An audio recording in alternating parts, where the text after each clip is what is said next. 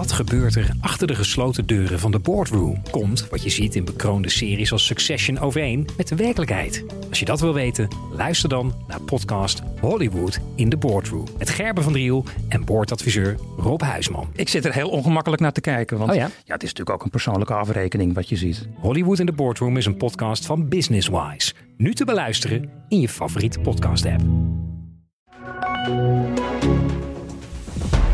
Dit is de AD Nieuws Update met Jelle Akerboom.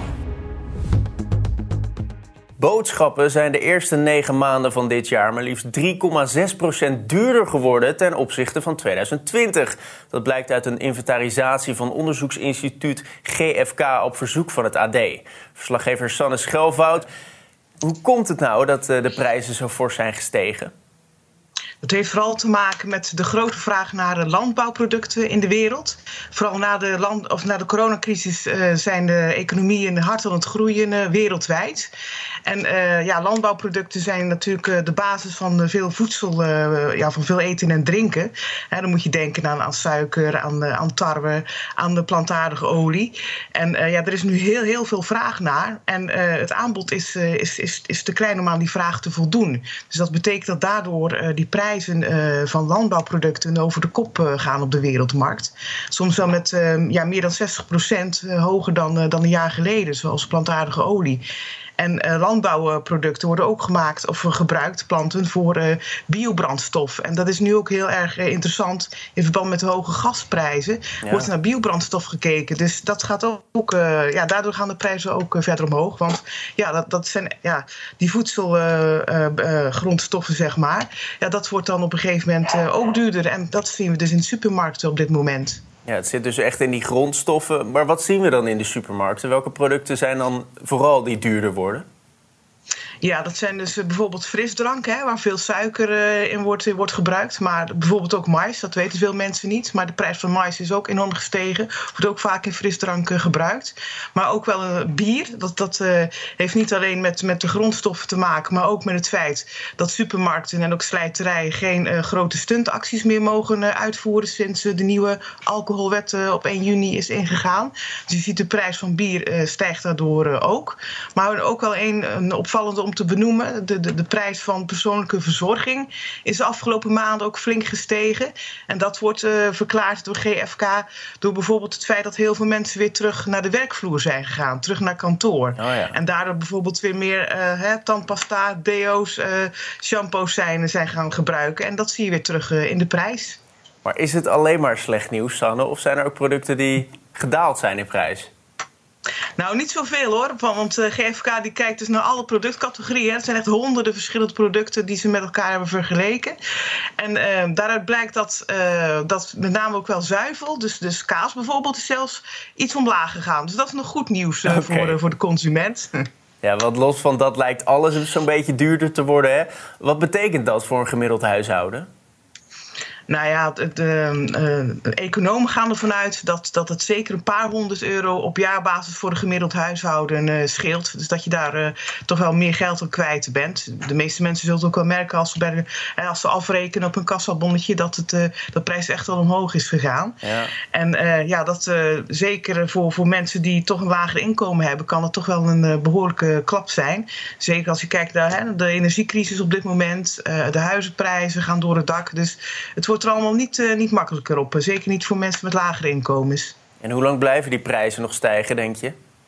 Ja, dat, de landbouweconoom die ik sprak voor, uh, ja, die zei van nou, als ik dat zou weten, dan zou ik nu stinkend rijk zijn. Want het is een grillige markt. Je ziet nu bijvoorbeeld dat de gasprijs weer iets omlaag gaan. Dus ja, dat kan ook weer gevolgen hebben voor, het, uh, voor de boodschappenprijs uiteindelijk. Maar het blijft nog wel, zeker deze winter, blijft, blijft, is, is een voorspelling dat de prijzen hoog blijven. En het kan bijvoorbeeld ook, uh, ook gevolgen hebben voor, voor dat we minder producten krij krijgen. Hè? Kijk naar de tuinbouw met sommige tuinders die besluiten nu om een teelt over te slaan. En dat kan gevolgen hebben dat er, dat er minder kastgroenten straks uh, in, de, in de supermarkt uh, liggen.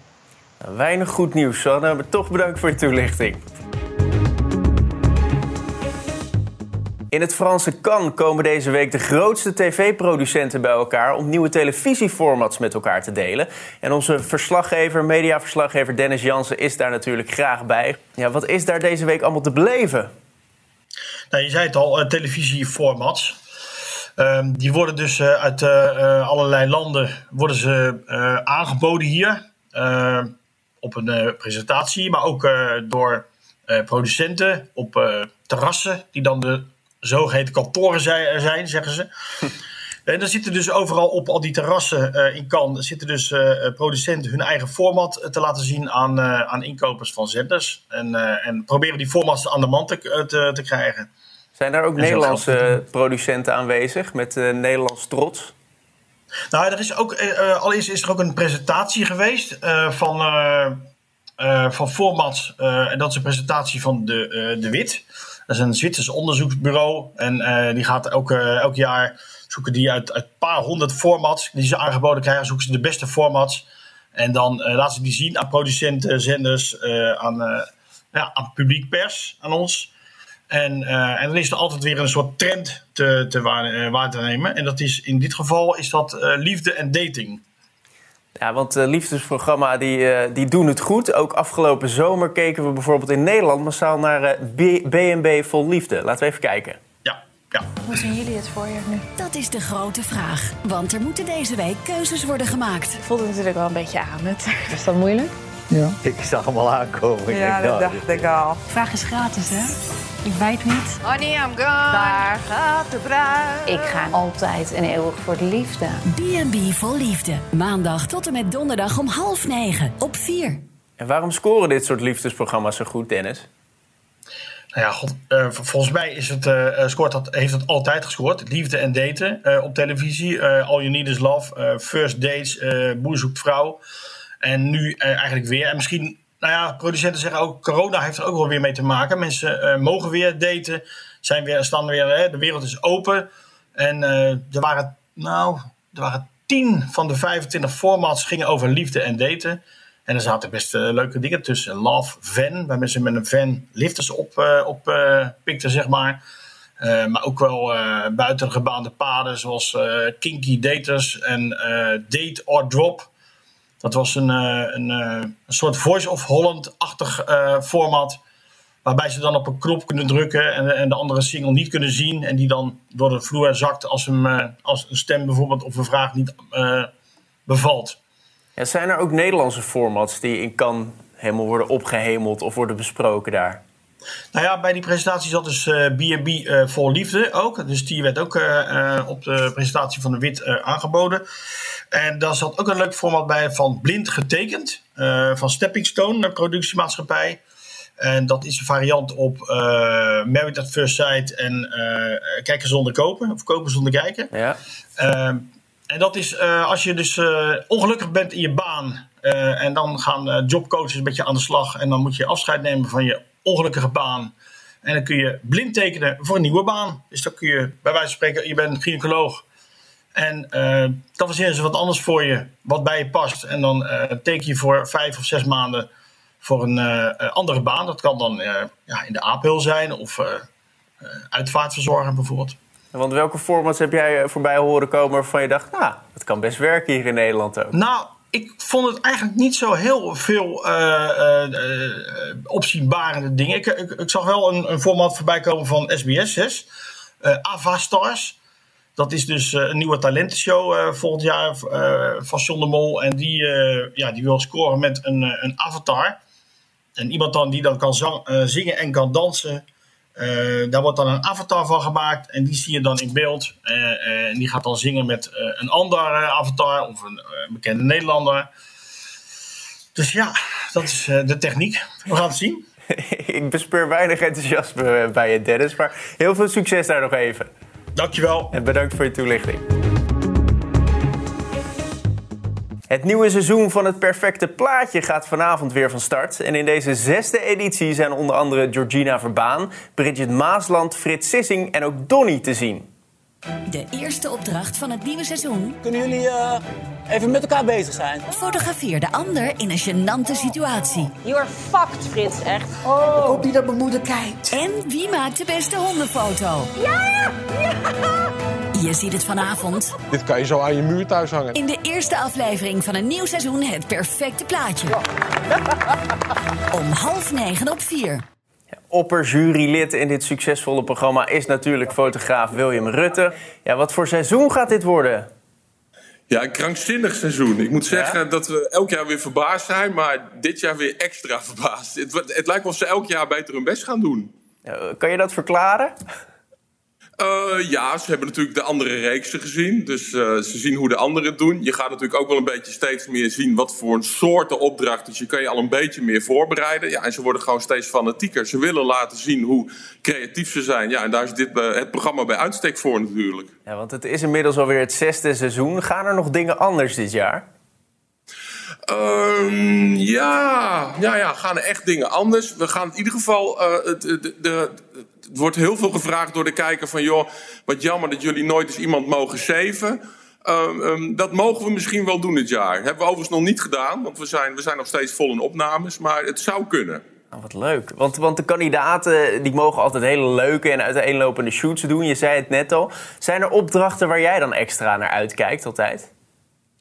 Nou ja ik, ja, ik moet heel eerlijk zeggen dat ik naar alle opdrachten uitkijk. Maar ook heel, soms best wel jaloers ben. Soms, ja, we hebben wel eens onderwatershoots gehad. Dat zijn dingen die zelf heel moeilijk te regelen zijn. Je moet dan een zwembad organiseren en modellen en visagie en kleding. Dus dat zijn hele kostbare opdrachten om zelf te doen. Ja. En ja, dat mogen zij nu gewoon doen. Dus daar ben ik af en toe wel een beetje jaloers op, moet ik eerlijk zeggen. En heeft iemand je al weten te verbazen? Uh, vier mensen hebben mij extreem weten te verbazen. Daar kan je nog niks van verklappen.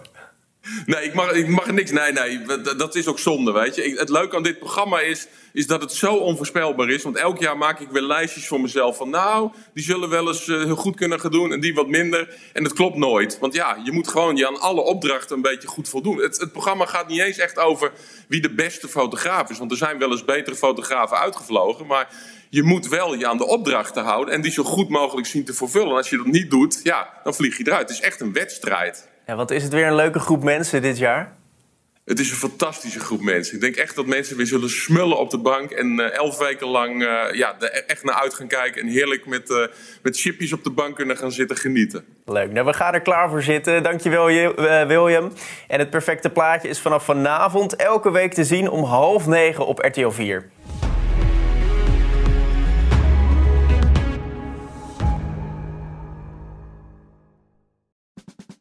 Luister ook naar onze podcast Politiek Dichtbij. In een half uur praten we hierbij over de stand van zaken op het Binnenhof. En niet alleen vanuit de wandelgangen in Den Haag, maar ook vanuit een regionaal perspectief. We zijn te vinden in onze app, op Apple Podcast en op Spotify. En wie zijn wij dan? Wij zijn Leonard Beekman en Tobias Den Hartog. Wat gebeurt er achter de gesloten deuren van de boardroom? Komt wat je ziet in bekroonde series als Succession overeen met de werkelijkheid? Als je dat wil weten, luister dan naar podcast Hollywood in de Boardroom. Met Gerben van Driel en boordadviseur Rob Huisman. Ik zit er heel ongemakkelijk naar te kijken. Want oh ja? ja, het is natuurlijk ook een persoonlijke afrekening wat je ziet. Hollywood in de Boardroom is een podcast van Business Wise. Nu te beluisteren in je favoriete podcast app.